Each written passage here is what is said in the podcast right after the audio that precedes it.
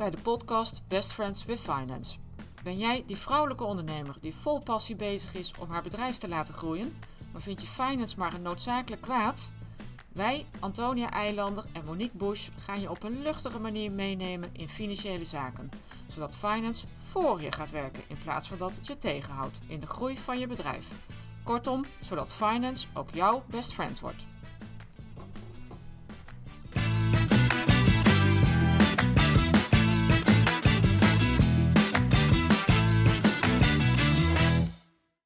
Wat leuk dat je weer luistert naar een nieuwe podcast, The Best Friends in Finance. Afgelopen twee weken was de podcast met een onderwerp van Monique. Maar uh, vandaag uh, is Antonia weer aan de beurt om een onderwerp te presenteren. Vakanties zijn voorbij, dus we gaan weer gewoon in ons oude ritme door. Antonia, leuk dat we weer aan de slag gaan. Wat heb je vandaag voor onderwerp? Nou, dankjewel Monique. Gezellig dat we weer inderdaad na alle vakanties en alle pret en alle uithuizigheid weer eventjes lekker bij elkaar zitten om onze podcast uh, op te nemen. Kids zijn bij mij inderdaad uh, deze week gewoon weer lekker naar school. Die van jou mogen volgende week weer. Volgende week, ja. En uh, in het noorden hebben ze helemaal geluk, want daar hebben ze nog twee weken. Ja. En dat is, mijn zusje is, is nog lekker weg. Mijn onderwerp deze week, nou, een hele actuele. Ik kreeg uh, toevallig echt een vraag vorige week van een vriendin, een, uh, een businessvriendin ook, uh, die toch wel een probleem had. Dus het onderwerp van vandaag is: help, mijn klant zit in de problemen. Nou, nou, daar staan de kranten natuurlijk ook vol van, van bedrijven die in de problemen raken. Dus, en dat kunnen natuurlijk zomaar klanten van jouw bedrijf uh, zijn. Dus ik denk dat dit wel een heel actueel onderwerp ja, is. Ja, en het is, ook echt een, uh, het is ook echt een onderwerp wat gewoon heel veel ondernemers uh, treft. Mm -hmm. hè? Precies zoals je zegt, het is inderdaad veel in het nieuws, maar het, het gebeurt op, op, op, groot niveau, hè? op heel grootschalig niveau. Het gebeurt ook op, op kleiner niveau. Ja, het is ook voor elke ondernemer weer belangrijk dat je daar, dat je daar alert op blijft. In dit geval ja, was het dus een vriendin die zei van nou, ik heb een klant, meer dan een jaar uh, staat er echt al een, een, serieus groot bedrag open. Uh, en dan hebben we het echt over een bedrag groter dan 25.000 euro. Dus Oh, het is echt serieus geld voor iedereen. Ja, Ja, ook, ja. Voor, ook voor hele grote bedrijven. Zij is een groot ondernemer, maar ja, toch gewoon vervelend als er dan zo'n bedrag open staat. Ik had daar eerder ook al wel een beetje over geadviseerd. En ze heeft daar ze heeft daar wel echt de best gedaan om daar heel goed debiteurenbeheer Ja. op te doen en om dat eh, te innen. Dat wil zeggen, ik ben daar recent eh, bij betrokken. Maar zij kreeg na een hele lange stilte ineens een voorstel voor 65% eh wilde hij dan betalen. Ja. En dat ging hij dan over 12 maanden een keer betalen. Oh jeetje, terwijl ze eigenlijk Ja. al een jaar op haar geld zat te wachten. Terwijl Dus ze het er eigenlijk al laat. meer dan een jaar op zit te wachten. En nou ja, het ook heel lang ineens stil was. En ineens kwam dan dat voorstel. 65% ging die dan betalen. Dus niet ineens alles. Nee. En dan over een jaar. Dus ik vroeg haar, goh, is dit dan tegen finale kwijting? Ja. Voor mij een hele logische vraag. Van haar kwam eigenlijk meteen oh, wat is, wat is dat eigenlijk? Ja, ja, snap Ehm, ik. nou Snap ja, die begrijp ik ook. Maar het toeval wilde dat ik een, eh, een dag of wat later ging, eh, ging lunchen met een bevriend CFO. En daar, eh, nou ja, zo, zo tussen neus en lippen door ook dat verhaal eigenlijk een beetje vertelde. En ook het advies en ook de, de dingen die ik haar had uitgelegd. En die vertelde me van dat er eigenlijk ook nog wel nieuwe dingen tussen zaten voor hem. Dus toen had ik zoiets van, nou, misschien is het dan toch de moeite om daar even een keer een podcast over op te nemen. Van wat is nou finale kwijting? Waar moet je dan aan denken? Hoe komt Ja. dat dan zo tot ontstaan? En hoe kan je daar dan eigenlijk het beste op reageren? Wat zijn dan nog je opties? Nou, super interessant. En tegelijk wel een leuk eh, bruggetje wat je slaat. Want ik word ook wel eens aangesproken met de vraag waar we alleen voor vrouwelijke ondernemers deze podcast maken. Maar we doen dat natuurlijk niet alleen voor vrouwelijke ondernemers. Alleen bij de bepaling van de onderwerpen hebben we als doelgroep in gedachten de vrouwelijke ondernemer die heel enthousiast aan haar zaak aan het bouwen is, maar van finance eigenlijk niet zoveel kaas heeft gegeten. Maar uiteindelijk is natuurlijk iedereen uitgenodigd om te luisteren. En ik hoor inderdaad ook vaak heel veel eh, mannen die zeggen van nou, ik vond het eigenlijk super interessant om naar jullie verhaal te luisteren. Dus qua onderwerpen is het voor een hele grote groep interessant. Alleen ja, welk onderwerp we hier bespreken, dat, eh, dan houden we de doelgroep in gedachten. Heel goed punt. Ja. Ik denk ook goed dat die even gemaakt wordt. Want inderdaad, het is niet alleen voor vrouwen. Het is alleen bepaling vanuit de vrouwelijke ondernemershoek. En niet de luisteraars Ja. kunnen gewoon uit alle kanten komen. Inderdaad. Maar finale, Finale kwijting. kwijting. Moeilijk woord. Moeilijk woord. Nou ja, eigenlijk ja, ook wel een lastig woord. Ja. Het is iets wat vaak voorkomt in een stuk schuldsanering. En ook wel zonder. Maar toch de meeste mensen, omdat het een beetje een onbekend eh, en onbemind begrip is, gebeurt het gewoon niet zo vaak dat mensen daar zelf aan denken. Veel mensen weten ook gewoon niet wat het is. Daar zijn we inmiddels achter. En wil eigenlijk maar zeggen dat ze een voorstel doen aan jou als schuldeiser. Het gaat dan als bedrijf gewoon niet zo goed. Ja. En je hebt dan een heleboel schuldeisers en je hebt eh, meer schuldeisers dan dat je eigenlijk liquide middelen hebt. En eh, dan ga je een percentage daarop loslaten van nou zoveel heb ik eigenlijk nog te betalen. Dus dat is x procent van wat ik jou schuldig ben. En wat je dan doet is je doet een voorstel van een percentage wat je dus wil gaan betalen tegen finale kwijting. En wat dat maar wil zeggen is je betaalt dat percentage en de rest wordt je kwijtgescholden. Ja. In het geval van jouw vriendin, dan betaal je 65%. En die 35% moet ze dan eigenlijk afschrijven. Die moet ze dan afschrijven. Ja, het idee is dat, je, dat als ze dan daaraan voldaan hebben, dat, alle, uh, dat dan aan alle voorwaarden voldaan is. Zo'n finale kwijting wordt ook vaak vastgelegd in een vaststellingsovereenkomst. Mhm. Zodat dat ook gewoon duidelijk Ja. juridisch vast ligt. Dat als dat percentage betaald is, dat het dan ook klaar is. En kan die schuldenaar kan die dat dan op eigen initiatief doen? Of is het dan vaak onderdeel van een groter proces? Heb je daar, heb je daar een beetje gevoel bij? Nou ja, in mijn ervaring is het vaak onderdeel van een groter proces. Vaak zijn er dan toch wel eh, instanties bij betrokken, of, of in elk geval eh, eh, soms ook bevriende Ja. Juristen of, of mensen die dit gewoon vaker bij de hand hebben gehad. En die, die maken dan dat overzicht en die kijken dan van, nou ja, zoveel moet je eigenlijk nog betalen, zoveel heb je. Dus dit is, is realistisch wat je kan voorstellen, wat je, wat je kan gaan betalen. En op basis daarvan wordt dan dat percentage vastgesteld en gaan ze dan dat eh, voorstel doen aan al de schuldeisers. Als het echt een officieel voorstel uit een officiële instantie komt, dan, dan heb je eigenlijk dat je binnen twee weken antwoord moet geven Nou. of je al dan niet akkoord gaat. Mhm. En als niet alle schuldeisers akkoord gaan, ja, dan gaat het feest niet door. Nee. Iedereen moet meedoen. Eh, soms is het ook wel dat als 80% meedoet, dat het toch nog eh, doorgang vindt. Wat niet wil zeggen dat je het, als het eigenlijk een heel schappelijk voorstel is. En er is echt geen mogelijkheid dat die eh, schuldenaar er anders uitkomt. En er zit een sociale eh, component in. Dan kan het nog wel zijn dat, er ook, eh, dat ze via de rechter een dwangakkoord proberen af te Ja. dwingen. Ja, want dan heb je het eigenlijk gewoon over schuldsanering. En dat is natuurlijk om te voorkomen dat iemand failliet gaat. Ja, of dat het consequenties heeft voor een bedrijf waar dan nog heel veel meer mensen bij betrokken Ja. zijn. En dan proberen ze het op die manier toch Hm. gewoon op een, in goede banen te leiden. En als het dan niet heel redelijk is dat je het voorstel hebt afgewezen. Hè, soms zit daar ook, hè, het, het, het blijft ook emotie soms ondernemen. Ja. Dus dan- er zit soms ook wel een stukje rancune. Hè? Die vriendin had bijvoorbeeld ook het gevoel kunnen hebben van... nou, ik vraag al anderhalf jaar om, eh, om mijn geld en nu ineens kom je Ja. hiermee had dat nou niet eerder Mhm. gekund.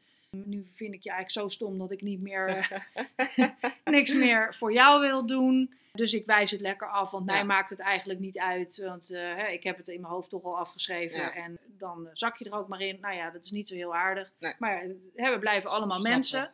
Het kan gewoon gebeuren. Maar dan is er nog wel de optie voor de instanties om langs de rechter te gaan en een dwangakkoord af te dwingen. Om, om zo op die manier de, de, de regeling toch af te dwingen. Ja, en dan heb je natuurlijk ook, en dan stappen we van de luchtigheid van deze podcast af, dus dan blijven we heel kort, lees je in de krant regelmatig over de WOA. Dat is een afkorting voor Wet Homologatie Onderhands Akkoord, meteen vergeten. Maar dat is natuurlijk ook een vorm van schuldsanering, waar ook getracht wordt om bedrijven Ja. te behoeden voor een faillissement, waarbij ook schuldeisers dan een deel van de vordering aangeboden krijgen. Maar dat is wel een heel pittig onderwerp, dus daar gaan we meteen weer mee stoppen, denk ik. Ik wou net zeggen, het is misschien voor dit geval eh, ja, net, Maar, net ja. te hoog gegrepen, maar het is wel iets wat je ook inderdaad veel voorbij ziet komen. Ik heb het gevoel dat dat vaak toch bij wat grotere bedrijven Ja. in, Ja, in, in het spel komt. Ik, ik heb er best wel regelmatig mee te maken. Het is niet een heel makkelijk proces. En je hebt ook best wel wat adviseurs nodig. Je moet best wel veel kosten maken als schuldenaar. Dus het is inderdaad vaak voor de grotere bedrijven. Maar misschien voor onze luisteraars goed om te onthouden als je eh, de term WOHA ziet, W-H-O-A. Dat is een vorm van schuldsanering. En nou, dan kun je niet, ja, dan moet je er even verder induiken wat het precies is. Maar nou, Ja. ja, dan is het wel belangrijk om inderdaad om de term te kennen. Ja. Dus ik, in die zin ontzettend goed dat je hem eventjes naar voren brengt. Van dat dat niet wow is. Nee. Maar dat je wel denkt van, oh, wow. wow, niet goed. Ehm, ik moet eventjes gaan kijken voor hoe diep ik erin zit. Ja, goed, even en goed dat je weet van dat, het dus, eh, dat het dus potentieel problemen gaat geven bij Ja. jouw eh, collectie van Ja. je geld wat je nog Ja. hebt uitstaan. Terug Nou. naar jouw verhaal. Terug naar mijn verhaal. In dit geval van die vriendin vroeg ze mij dus om advies. Van, Mhm. goh, wat moet ik daar nou mee? Want hè, 65%, ja, dat is nog één ding. Maar hij biedt ook aan om het dan over 12 maanden krijg ik het dan pas. En mijn advies aan haar, en dat is dat je kan ook echt wel een tegenvoorstel doen over die finale Mm. kwijting. Hè, dat, dat is op dat moment nog steeds een soort van onderhandeling. Heb ik haar gezegd van prima, eh, die 65%, als jij daar oké mee bent, dan kun je dat altijd accepteren. Maar wat ik altijd zou doen, is een regeling voorstellen in plaats van een toezegging voor over een jaar. Ja. En in dit geval kun je zelfs beter akkoord gaan met een lager percentage tegen finale kwijting, als hij maar gewoon meteen deze maand of volgende maand begint met betalen. Ja, dan heb je in ieder geval Want geld. alles wat je hebt, kijk, mensen komen niet voor niks in dit soort situaties. Ehm, dan is het echt, dan staat ze echt aan de lippen. Eh, alles wat je binnen hebt, heb je maar binnen. Ja. En dat klinkt misschien heel simpel, maar ja, kijk gewoon wat er, wat er mogelijk is en hoe snel je het naar binnen kan krijgen. Ja. En dan moet je er eigenlijk gewoon heel zakelijk in gaan zitten. Niet Ja. gefrustreerd dat je Nee. niet 100% van je vordering krijgt. Want nou, je loopt ook gewoon serieus het risico dat je helemaal niks krijgt. Dat je helemaal niks krijgt. In dit specifieke geval heb ik haar ook nog gezegd, want ik heb in deze zin het, het gevoel dat hij het voorstel finale kwijting heeft gedaan, terwijl er nog niet een heel groot schuldsaneringsbureau en, en dat er nog geen instanties bij betrokken zijn. Dus dat hij het gewoon Ja. zelf probeert van nou, eigenlijk eh, wil ik die 100% gewoon niet betalen, ik eh, pak die 65%. Dus ik heb haar nog als advies gegeven van probeer anders eh, het voorstel neer te leggen. Joh, die 65 eh, procent, dat vind ik eigenlijk niks. Ik wil eigenlijk liever dat je alles betaalt. Maar ik geef je wel een extra jaar Ja. Om dat dan allemaal te betalen. Dus je kan dan ook de optie geven van... je hebt twee jaar, dus 24 maanden... maar dan wil ik wel het hele bedrag. 100%, ja. En dan mag je het in 24 maanden of desnoods in 36 gewoon betalen. Dan wil ik alles. ja. Maar dat ligt er een beetje aan hoe je er zelf in zit. Maar je mag het dus echt als een soort openingsbod zien om de onderhandelingen te beginnen. Nou ja, je kan het in elk geval proberen Ja. in deze fase nog. Kijk, als het echt onderdeel is van een groter saneringsvoorstel, ja, dan zit daar meestal niet zo heel veel ruimte in. Maar ook daarin is het gangbaar dat, het dan, dat je in maandelijkse termijnen Ja. betaald krijgt. Ik heb nog niet vaak zelf finale kwijtingen gezien waar dan wordt gezegd, je krijgt een percentage, maar je krijgt het pas over een jaar. Ja, dus die is gek. Dus die, die is voor mij afwijkend van wat ik zo gewend ben. En vandaar ook mijn advies aan Ja. haar van, goh, probeer gewoon een regeling te treffen.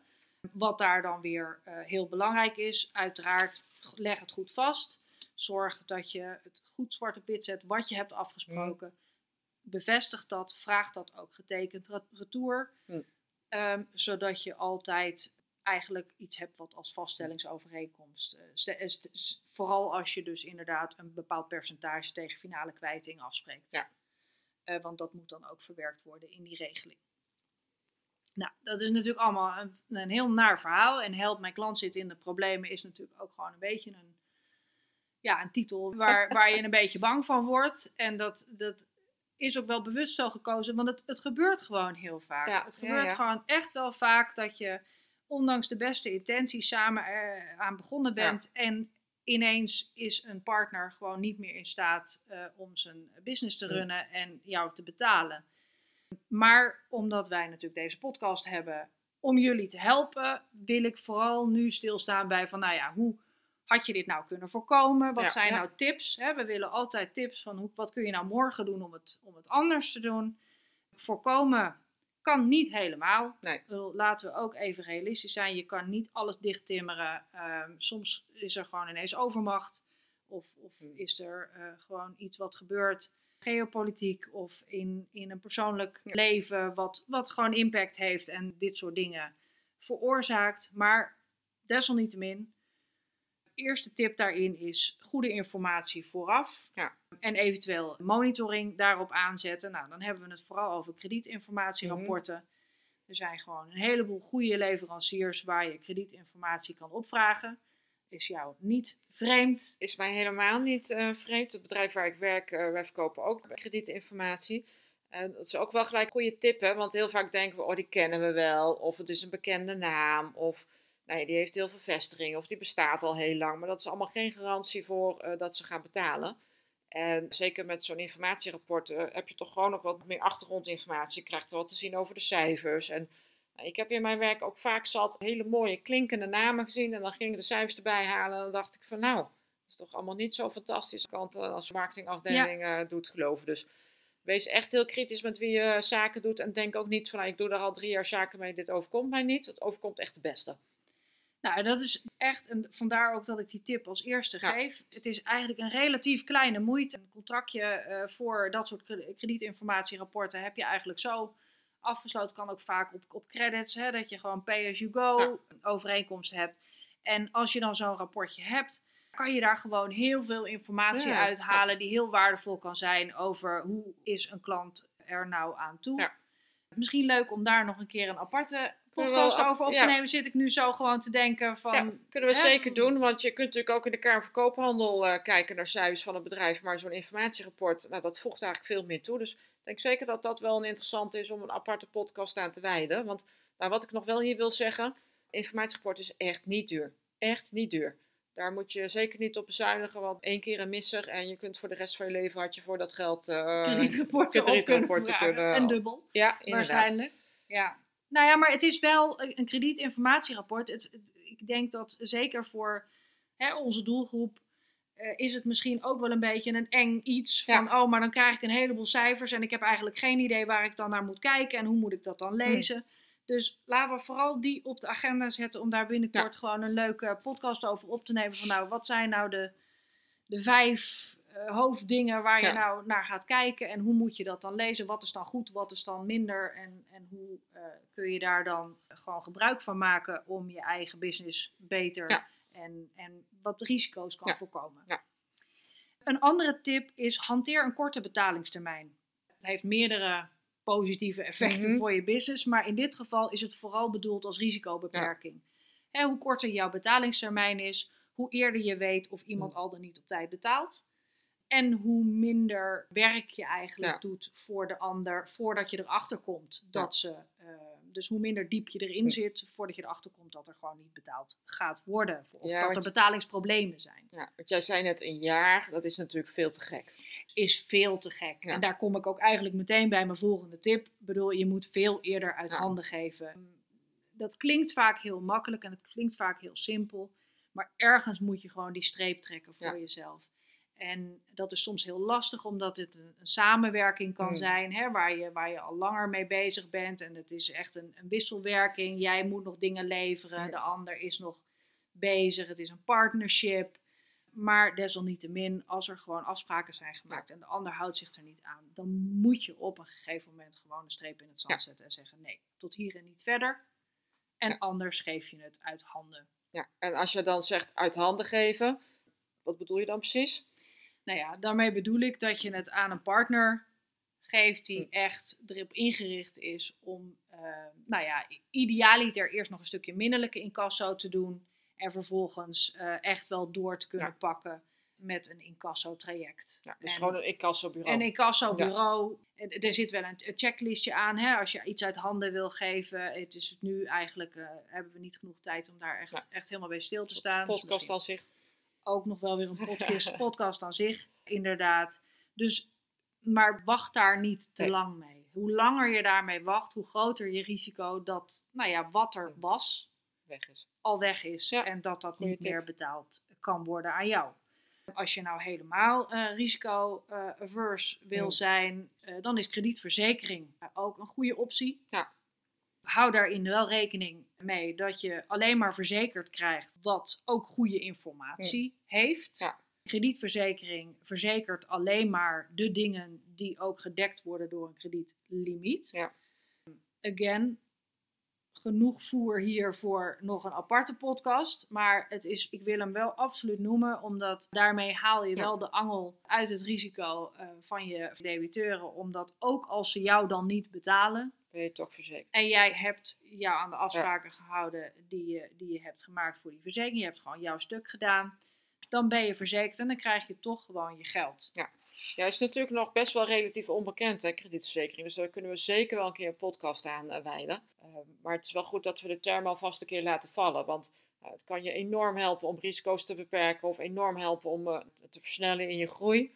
Maar nou, het is zeker een, uh, een manier om je risico's uh, in de hand te houden. Hartstikke goed. Absoluut. Nou ja, goed. En dan nog even een, een stukje tips van, nou ja, als het kwaad dan al geschied is en uh, je hebt een klant die failliet is, Ja. nou ja, dat is gewoon knetterbalen Balen, natuurlijk. ja. En daar mag je ook echt wel even van balen. Maar reken het je, jezelf, dat wil zeggen als je je best hebt gedaan om het te voorkomen, niet te veel aan. Het, het, het gebeurt iedereen onderweg een keer. Alle ondernemers hebben dat wel een keer bij de hand gehad. Maar wat kun je dan nog doen? Wat is dan belangrijk? Het eerste is je vordering zo snel mogelijk indienen bij de curator. Ja, Ook als je, je hoeft niet te wachten tot je een brief krijgt. Je hoeft niet te wachten tot je daar eh, toe uitgenodigd wordt. Je hebt een website, faillissementen.com. Kun je gewoon kun je opzoeken wie de curator is Ja. bij het faillissement waar jij bij betrokken bent. En dien het zo snel mogelijk in. Hou daar je eigen eh, verwachtingen een beetje in, eh, in check. Hm. Vaak eh, komt eerst de Belastingdienst eh, en de bank. bank. Ja. En 9 van de 10 keer is er niet zo heel veel meer over daarna van daar komt. Nou, en ik denk dat dat nog positief gezegd is. Dat denk ik ook. Ja, ga er maar vanuit als je klant failliet gaat dat je naar je centen kan uh, Kan fluiten. fluiten. Ja, als het echt zo ver komt. Ja, helaas is dat het is. Ja. Wat kan je dan nog wel doen als jij nou goederen levert? Ja? Als er in jouw algemene voorwaarden een eigendomsvoorbehoud staat, haal zo snel mogelijk je spullen terug. Ja. Als je goederen levert en je hebt een eigendomsvoorbehoud in je algemene voorwaarden, dan kun jij via de curator jouw spullen terughalen. Ja. Dan heb je misschien niet je geld, maar je hebt nog wel weer spullen. Misschien dat je er nog op een andere manier Ja. geld van kan maken. Ja, ja, En last but not least, vraag je BTW terug. ja, dat is natuurlijk een hele goede. Is ook iets wat veel mensen vergeten als je een onin... on, hop, en nou kom ik er helemaal niet meer uit. Een oninbare vordering hebt, eh, om wat voor reden Ja. dan ook, mag je altijd je BTW Ja. terugvragen, omdat je uiteindelijk niet betaald hebt gekregen Nee. voor jouw dienst. Nee, dat is natuurlijk gelijk alweer een hele goede tip. Komt er in ieder geval nog een stukje van de schade weer, weer terug. Dat is dan een kleine, nou, Precies. kleine eh, troost. Dat is super. Ja, natuurlijk helemaal geen fijn onderwerp, maar nou, het is een illusie om te denken dat, dat we hier nooit mee te maken krijgen als ondernemers. Dus ik vind het hartstikke interessant. Ik eh, denk dat we alweer een hele mooie podcast zo bij elkaar gepraat hebben. Dus nou, Antonia, dankjewel. Ja, graag gedaan. Echt, eh, ja, het is net wat je zegt. Het is gewoon niet het allerleukste onderwerp, maar het is wel een onderwerp waar meer over gepraat mag worden in die zin. En waar het ook belangrijk is om te weten wat je moet doen, zodat je snel kan acteren. Want op dat moment kan je nog iets doen. Ja. Soms. Nou, hartstikke mooi. Dankjewel. Graag gedaan. Tot de volgende keer.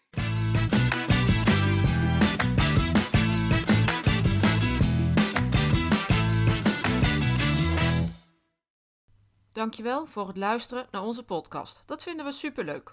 Als je onze podcast waardeert, zou je ons dan een review willen geven in de podcast-app. Dat kan door bijvoorbeeld 5 sterren te geven in Spotify. Daar zijn we blij mee en zo wordt onze podcast beter vindbaar voor andere vrouwen. En vind je het leuk om contact met ons op te nemen? Dat kan dan via LinkedIn. Tot de volgende keer.